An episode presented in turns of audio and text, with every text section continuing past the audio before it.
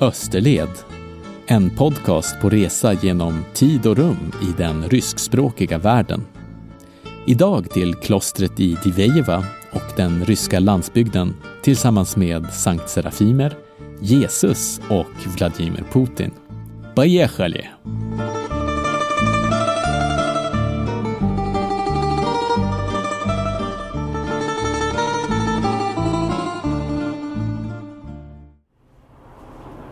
Åh, oh, härligt! Nu är jag, nu är jag framme i Divejeva. Och chauffören från Motsarov, han som körde mig hit var extremt trevlig. Kanske den trevligaste chauffören någonsin. Han tyckte att det var alldeles utmärkt att jag skulle fara till eh, Divejeva och att man tog sig bort lite från, från Moskva som turist. Han eh, lät till exempel antyda att jag borde ta med mig mina vänner hit, eller eh, min fru, eller att jag borde gifta mig här i Ryssland och skaffa vänner här istället och barn tyckte han vore lämpligt. Eh, och jag frågade om det vore ortodoxa eller protestantiska barn. Men eh, ah, det, det, var inte så noga tyckte han, bara det är bra folk.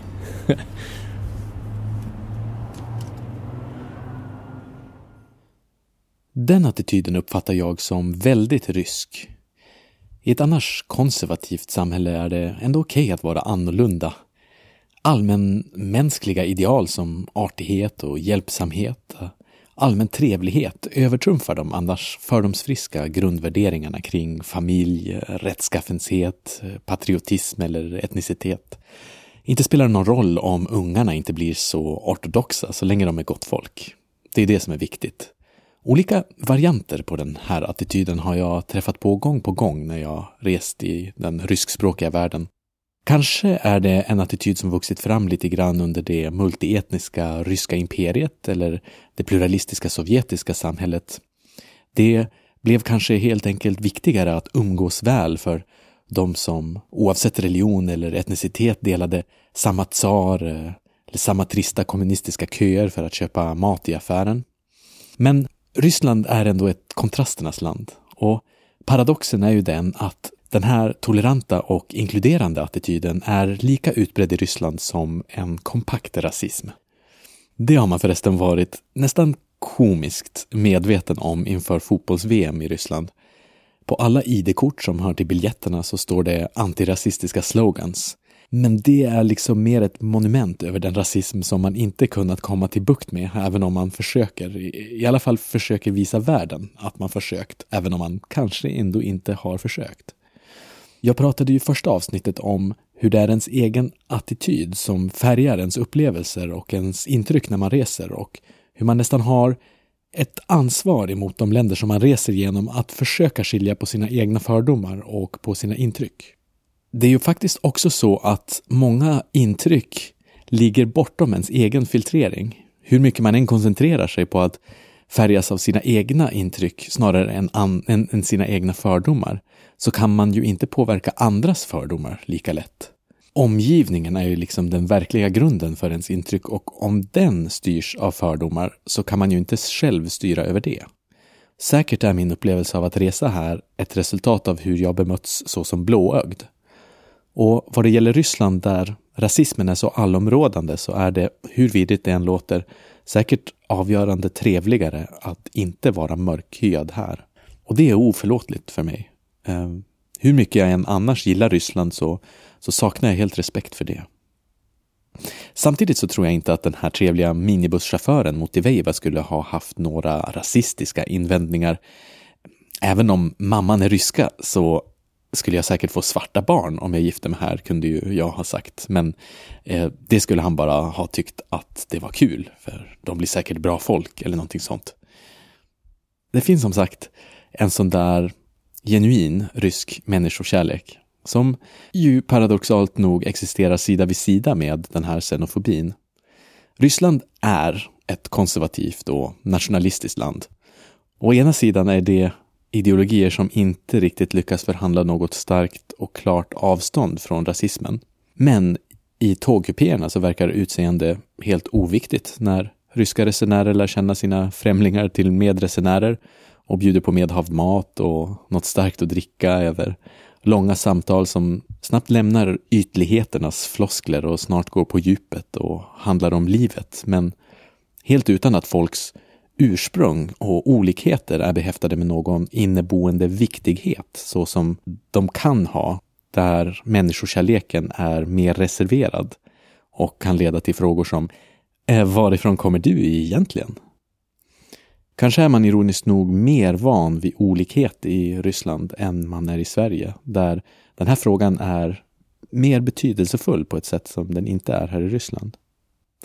På min förra tågresa så var det en tjock medresenär som öppnade en burk stinkande fisk.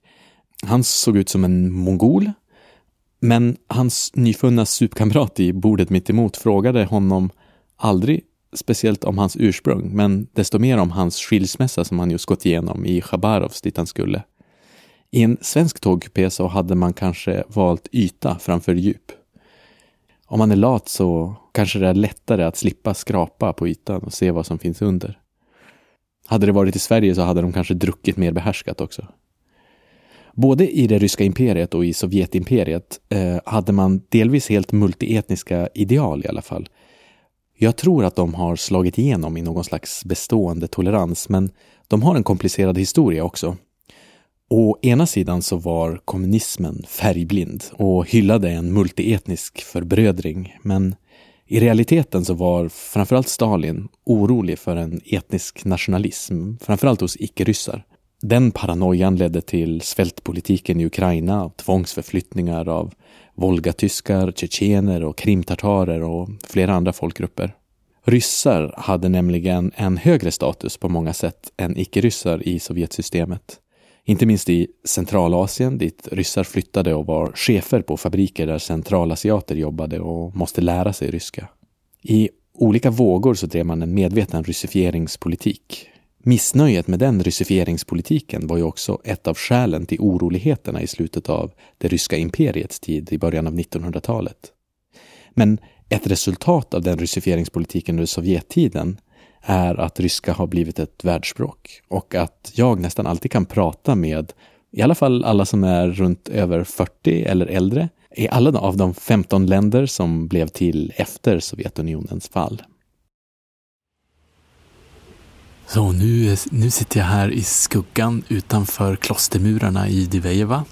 Och jag har gått förbi sådana här äh, försäljningsstånd där omkring kränger kors och ljus och små ikoner och allehanda religionsattiraljer. Äh, Men det är väldigt hett och jag har eh, allt mitt, mitt tunga bagage med mig och mina böcker och ryggsäcken är tung i hettan.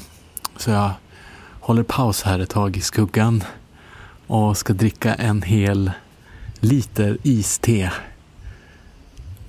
Det ska bli bra. Annars är allting helt utmärkt. Jag har rest med Rysslands kanske trevligaste minibusschaufför. Och den här byn, Divejevar, verkar jättemysig, avslappnad. En avslappnad köping som, eh, som jag tänker gå runt i lite senare. Jag har gott om tid på mig. Jag är inte så lite stolt över att jag har kommit hit eh, redan före lunch. Själva Divejeva är ett litet samhälle vars centrum är det stora inmurade klosterområdet fullt med kyrkor och kapell och mellan välskötta trädgårdar. Här hängde Sankt Serafimer på 1700-talet han var en rysk munk och eh, religiös filosof som helgonförklarades. Lägg dig an med en fridfull själ, sa han, så skall folket frälsas omkring dig i tusental. I alla fall det första verkar ju eftersträvansvärt. Vad är det man säger? Att eh, det är lika svårt för en rik man att ta sig in i himlen som det är för en kamel att eh, ta sig igenom ett nålsöga. Eh, det var väl Jesus som sa det Jesus kanske var lite socialist i alla fall. Hmm.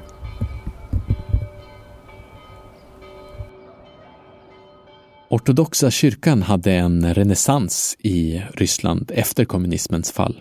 I Sovjetunionen hade religiositet delvis tolererats men kraftfullt motarbetats. I sovjetisk propaganda så framställdes religion som en omodern och eh, bakåtsträvande vitskeplig eh, motsats till moderniteten och vetenskapliga framsteg och utbildning. På en berömd affisch från Sovjettiden så ser man en sovjetisk kosmonaut ute i rymden. Och sen ser man jorden i bakgrunden och sen meddelandet i texten Boga njet, ingen gud. Idén som kommuniceras är tydlig att människans, eller rättare sagt Sovjetunionens teknikutveckling hade sprungit om människans vidskeplighet. Sovjetunionen ville inte bara vinna en ontologisk diskussion med kyrkan utan också utrota religionen som samhällsfenomen. Irreligiositeten var en viktig del i det sovjetiska samhällsprojektet. I praktiken så betydde det att man demolerade religiösa byggnader, förföljde och internerade och mördade religionsfunktionärer från alla stora religioner. Den enorma Kristus frälsare-katedralen i Moskva sprängdes 1931 och det gjorde också kyrkor och synagoger eh, runt hela det sovjetiska imperiet. Framåt slutet av Stalins hårdaste antireligionskampanjer på 1930-talet så hade man förstört så gott som alla moskéer i hela Sovjetunionen. Före revolutionen hade det funnits över 20 000. Bara runt 1 procent av Leningrads kyrkor fanns kvar 20 år efter revolutionen. Kloster stängdes överallt. Även Divejeva stängdes, men kyrkorna här förstördes inte. Idag så har den rysk-ortodoxa kyrkan återuppstått i Ryssland och runt hälften av alla etniska ryssar känner faktiskt en rysk-ortodox tillhörighet. På 90-talet så började man bygga och renovera och återuppbygga och bygga nya kyrkor i rasande fart. Inte bara kristendomen fick vatten på hjulen under den här tiden utan också islam och new age-rörelser som ny shamanism och ny paganism. Jag tror absolut att det finns bättre saker att ägna sin tid åt än att springa och korsa sig i kyrkan. Men det finns sämre saker att ägna sig åt också. Jag är i vanliga fall inte någon som vurmar för religionen. Eh, snarare är jag en ganska otrevlig och nedlåtande ateist som ofta får troende att känna sig dumförklarade. Um, det måste vara eftersom att jag har lätt att börja förklara hur intelligens och utbildning verkar korrelera negativt med tro och hur vi människor har upptäckt både penicillin och gravitationsvågor utan att Nature någonsin publicerat någon empiri alls för att det skulle finnas gudar. Ja, mm, ni hör ju, det är typ det där som jag menar. Men inför eh, verkliga troende, som jag kallat dem, som kanske minibusschauffören, så drabbas jag lite ändå av den här skamfyllda insikten om att det finns fullkomligt troende människor som genom sin tro är tolerantare än jag är. Och det är svårt eftersom att tolerans för mig inte är något religionens ledord riktigt. Historiskt sett så har religiösa ofta förföljt och avlivat oss som tänker istället för att tro. Och därför känns det extra träffande att bli påkommen med att vara mindre omfamnande än troende och att inse att det är deras tro som får dem att bemöta världen på ett eh, så tolerant sätt, ett sätt som jag själv ser som eftersträvansvärt. Det kanske känns extra mycket så just i Ryssland eftersom att Ryssland ju har den här märkliga kontrasten mellan äkta och fördomsfri människokärlek och djup xenofobi som jag pratade om tidigare. Det är en enormt otyglad grönska som tränger sig på överallt. Det har aldrig verkat funnas liksom nog med ryssar för att hålla undan gräset och sly när jag varit i Ryssland.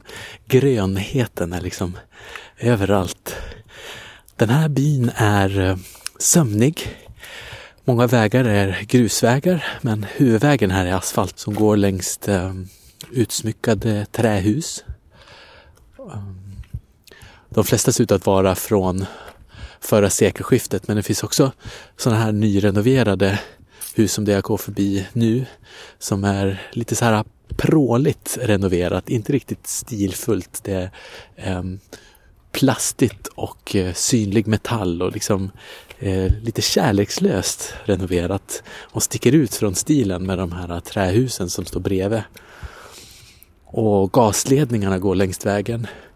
Och sen byggs gasledningarna upp över infarten till garagen här så att man går som under en tunnel när man går förbi en, eh, en vägkorsning.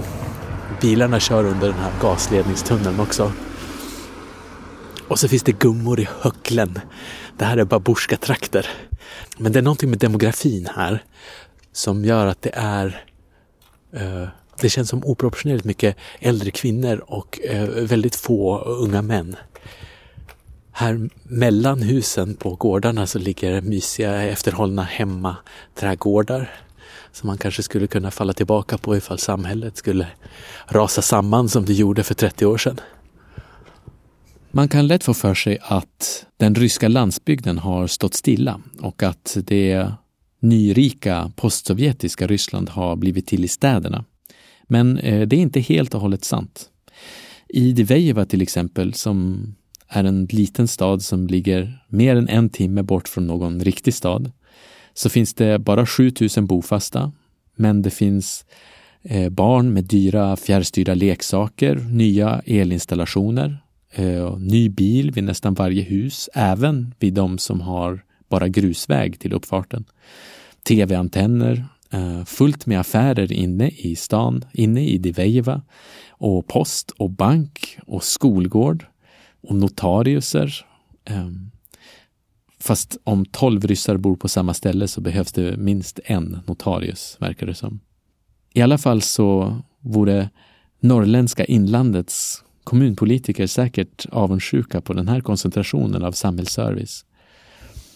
Generellt sett så kanske den ryska landsbygden ändå ligger efter i tillväxtsiffrorna om man jämför det med de ryska städerna. Men det är inte som att alla lever på sina fattiga hemodlade potatisar eh, föga bättre än under 1935. Å andra sidan verkar det ganska ojämnt. Här i Devejeva känns samhället helt och hållet på G. Det finns spår av nybyggen överallt och, och klostret är ju nyrenoverat och, och de håller på att renovera vissa delar fortfarande. Men eh, när jag lyftade längs Volga till Rubinsk för några år sedan så var landsbygden mer efter. Fattigdomen var tydligare och inga nya bilar men en hel del pensionärer som egentligen borde ha haft hemtjänst som stod böjda i hettan och rensade ogräs i sina potatisåkrar. Några byar verkade halvt övergivna där och aktiva trädgårdar låg vägg i vägg med insjunkna och hoprasade trähus.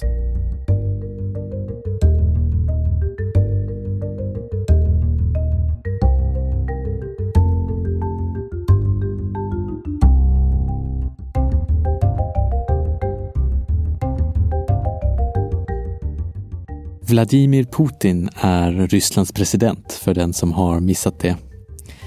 Men ryssar känner honom som Vladimir Vladimirovich Putin. I alla fall i officiella sammanhang, för i Ryssland så har man tre sorters namn. Man har förnamn, fadersnamn och efternamn. Jag som heter Josef Liljegren vore i Ryssland helst kanske Josef Tamovich Liljegren. Och fadersnamnet det får man efter sin far. Och när man presenterar sig med fullt namn eller fyller i blanketter eller gör något annat officiellt så ska man använda både Otjestva och familja. Alltså Vladimir Vladimirovich Putin. Det kan till och med vara lite konstigt ibland att man inte har något Otjestva, inget fadersnamn.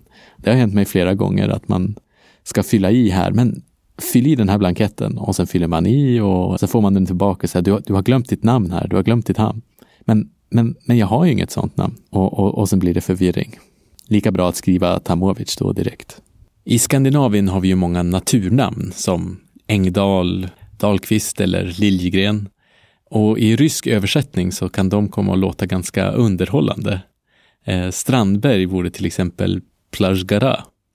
Och eh, jag vet inte, det kanske låter lite grann som ifall herr Engdahl eh, skulle kalla sig Mr Field Valley eller Sjöberg, Lake Mountain i England. Det skulle höja ett och annat ögonbryn.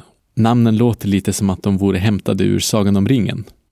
Så kanske om jag for på någon live-rollspelstillställning i Ryssland så kunde jag presentera mig som Josef Vietka Lili, eh, gren av lilja, liljegren. Det får duga med en förryskning av mitt namn, inte en direkt översättning. Liljegren.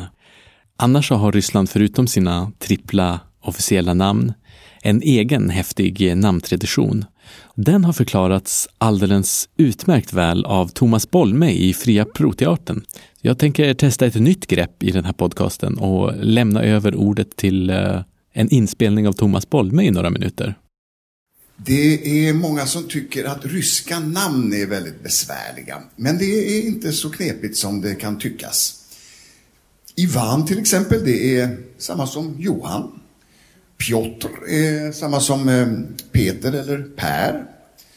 Eh, Fjodor är Theodor. Och Vladimir, som betyder världshärskare, är detsamma som Valdemar. Sen är ryssar också mycket förtjusta i smeknamn, så Ivan blir Vanj eller Vanja. Eh, Vladimir blir Volodja eller Vova eller Vovka. Eh, Katerina blir Katja. Och eh, Nina blir Ninka eller Ninotska. Eh, efternamn kan också vara avledda av förnamn.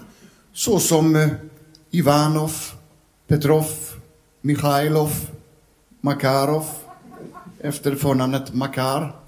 Maltsev förresten, det betyder Ynglev. Eh, Pushkin betyder Kanonin och Majakovskij betyder Fyrtornovskij. Papov är ett mycket vanligt namn. Det betyder Prestov. Varobjov är Sparv. De två marskalkarna som tävlade om att komma först till Berlin i slutet på andra världskriget, alltså Konjov och Zhukov eh, betyder egentligen hästoff respektive Skalbagov. Skalbaggen kom före hästen förresten. Andra namn med historisk klang är Jagoda och Jerzov som ledde utrensningarna under 30-talet. De betyder ungefär blåbär respektive igelkottoff. Stalin betyder Stålmannen, men det räknas inte för det är ett taget namn. Mera då. Eh, ja, Maslov betyder Smörov, Jaitsov betyder Eggov och Pertsov betyder Pepparov. Andra trevliga namn är Jablov, Jablonov, som betyder äppelträdov, och Korapatkin, snöripa. Man kan även heta Babajev, som betyder kärringov. Eller eh, Kvostvov, som betyder rumpov eller arslov. En mycket vördad eh, ukrainsk filosof heter Ivan Skavarada eller Johan Stekpanna. Gorbatjov då? Ja, här har jag fått lite olika uppgifter. Några menar att det ska översättas med knölvalov medan andra hävdar bestämt att det ska översättas med puckelryggov. Jeltsin betyder gran. Och Putin betyder faktiskt ingenting. Hans eh, familjenamn kanske inte betyder något speciellt, men Vladimir eller Valdemar betyder i alla fall världshärskaren. Det förklarar Thomas Bolme i det här klippet. Världshärskare är ju ett namn som aspirerar till mycket mer än att vara betydelselöst. Att inte betyda någonting alls är ju trots allt värre än att vara eh, skurken i sagan. För själen ryser inför tomrummet och vill kontakt till varje pris, heter det ju. Många ryssar är nog förtörnade över att Ryssland inte längre tas på en supermakts allvar. Jag pratade nyss med en moldavisk bekant som sa att eh, ryssar ägnar Putin och västs åsikter om Ryssland och Putin en hel del uppmärksamhet. Men i väst så tänker man ofta på annat än den ryskspråkiga världen. Med Hjalmar Söderbergs ord så är Putin kanske hatad eller föraktad i väst, men oftast betyder Ryssland just ingenting. Den självbilden kan inte ha varit alltigenom bekväm för Ryssland att växa in i eftersom att många önskar Ryssland dess tidigare imperiums viktighet som supermakt tillbaka. En viktig del i Putins politik är också att försöka återfå en sån supermaktsposition och han blir väldigt uppskattad på hemmaplan för det. I väst tänker man ofta på Putin som en auktoritär ledare och förknippar honom med införlivandet av Krimhalvön och andra konflikter med Ukraina. I Ryssland är han däremot en varmt omtyckt ledare bland många och inte minst bland de som gillar en stark man vid rodret. Det finns också en inhemsk, om en västvänd, opposition till Putin i Ryssland. Den oppositionen är kritisk, kompakt kritisk till både styrning och medieklimat i Ryssland och efter valet 2011 till exempel så organiserade de protester. Men oppositionen är ändå inte väldigt stor. Å ena sidan kanske oppositionen är mindre eftersom rysk media är som den är, eh, med få oberoende och kritiska röster. Men å andra sidan så är det faktiskt så att Putin förblir populär i Ryssland, speciellt efter att man tagit över på Krim. När det gäller Putin så är det för mig mest av allt spännande att han är en så polariserande och mångtydig figur. Både i väst och Ryssland finns det samtidigt en utbredd fanclub och ett starkt ogillande. I väst så har Putin fått sig ett uppsving som förebild bland eh, nyfascister och alternativhögern som tycker om hans nationalism och den auktoritära stilen. Fast huvudfåran i väst förblir Putin-kritisk. Och den kritiken grundar sig ju ofta i tendenser till bristande demokrati och kritik av förföljelser av oppositionella som till exempel Pussy Riot-medlemmarna som har sökt asyl i Sverige efter trakasserier från poliser och myndigheter.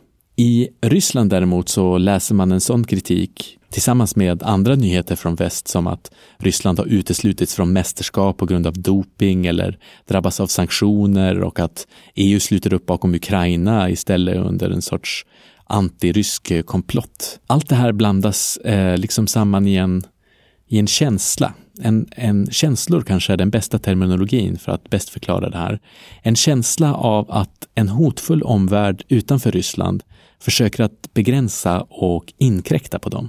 I Ryssland så har man lätt att tro att Europa vill Ryssland illa. Historiskt sett äh, finns det en lång tradition av både att Europa vill Ryssland illa och att ryssar tror att Europa vill Ryssland illa. Det här gör det ibland svårt för mig att förklara en mer nyanserad bild av väst i Ryssland. Speciellt eftersom att jag gillar Ryssland, men är uppvuxen i en demokrati. Om det i Ryssland kan vara svårt att förklara varför man i väst ofta är kritiskt inställd till Putin, så är det genhält inte heller helt lätt att förklara i väst varför Putin ändå är så populär i Ryssland. Så sammanfattningsvis så kan man säga att Putin har fått leda ett land som har upplevt en upphinnartillväxt som heter duga. Och hans popularitet har ju knappast blivit mindre för det sedan krisen 2008 har Rysslands tillväxt däremot haltat något. Och idag så är den faktiskt inte speciellt bättre än många andra europeiska länders. Kanske är det så att Putins popularitet i Ryssland har grundat sig på ekonomiska förbättringar under 00-talet.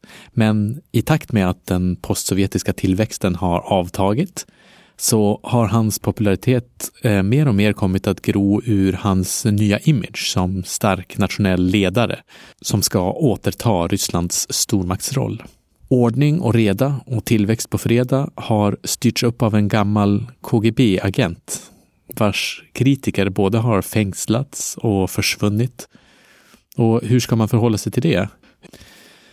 Han inviger kanske ändå människorna någon slags känsla Eh, tidigare i år så vann han ju presidentvalet igen och ska sitta sex år till på sin fjärde mandatperiod. Putin är både älskad, hatad, fruktad och föraktad, allt samtidigt. Det är liksom snårigt nog. Jag är ju uppfostrad i västerländska liberala ideal och känner därför ett ansvar att inte förbigå skälen till varför Putin skulle vara hatad och fruktad. Men jag vill ju också inte ägna all min tid åt det, utan gör den här podcasten för att lyfta fram sidor av en magisk kultursfär som helst inte ska behöva stå höljd i Putins skugga. För den ryskspråkiga världen är så mycket mer än det. Kanske får man förhålla sig till Putin just så att man tänker på att västerländska liberala och demokratiska ideal inte alls är allom omfamnade i Ryssland. Ryssland är konservativt, stolt, misstänksamt men uthålligt. Och Putin har både kanaliserat och underblåst ett motstånd mot västerländsk liberalism genom att spela på just konservativ nationell stolthet och misstänksamhet mot väst. För den politiska analytikern så må Putin i sig vara väldigt spännande, men nog nu om Vladimir Putin. Jag har århundraden av rysk historia att avklara i den här podcasten och ett helt litteraturkanon. Det blev förresten lite oryskt här med de litterära referenserna med Hjalmar Söderberg. Jag lovar bättring till nästa avsnitt. Mia culpa, mia culpa. Nu sitter jag under en Lenin-staty i en park i Arsamas, några mil tillbaka från Divejeva. Jag har eh, flera timmar på mig innan kvällens nattåg går härifrån, så jag sitter och läser Ivan Denisovits liv här. Ehm, det här är egentligen lite av en håla, men ehm, en av huvuddragningarna på den transsibiriska järnvägen går just genom Arsamas.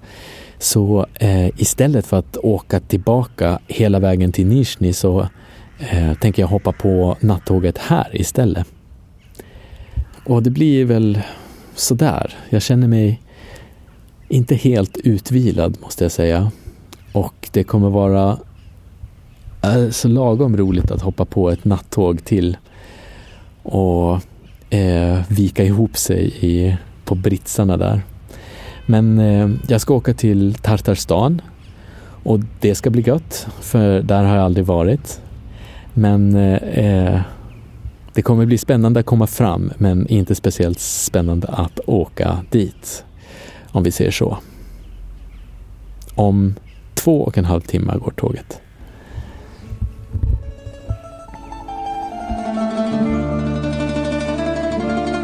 Till Kazan i Tartarstan kommer jag i nästa avsnitt. Och där ska jag stanna några dagar och vila upp mig lite. Tills dess så tipsar jag om podcastens hemsida där jag lägger upp bilder från resans respektive avsnitt. Det är också så att jag betalar servrar och webbhotell för att driva podcasten själv, så om ni tycker att det är värt att lyssna så får ni gärna swisha med ett bidrag.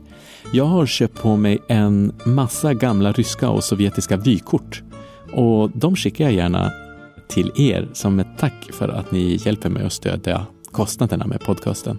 Kolla på österled.nu med O, Österled, under stödvikort. Så tack för denna gång och spasiba balshoi eh, till alla er som lyssnat och ett eh, speciellt tack till Karnevalförlaget och Karsten Palmér och Thomas Bolme för klippet som ni hörde tidigare om ryska namn. I väntan på nästa avsnitt så rekommenderar jag varmt att ni lyssnar på deras Wysotsky-tolkningar. De finns på Spotify eller iTunes eh, och på Youtube, Fria Proteatern, kan man söka på och lyssna på till exempel Vargjakten eller Formuleringen. Eh, eller om man är historieintresserad så kan man lyssna på Vysotkys odyssé över sovjetisk historia i balladen om barndomen. Ha det gött tills nästa gång. Eh, vi hörs.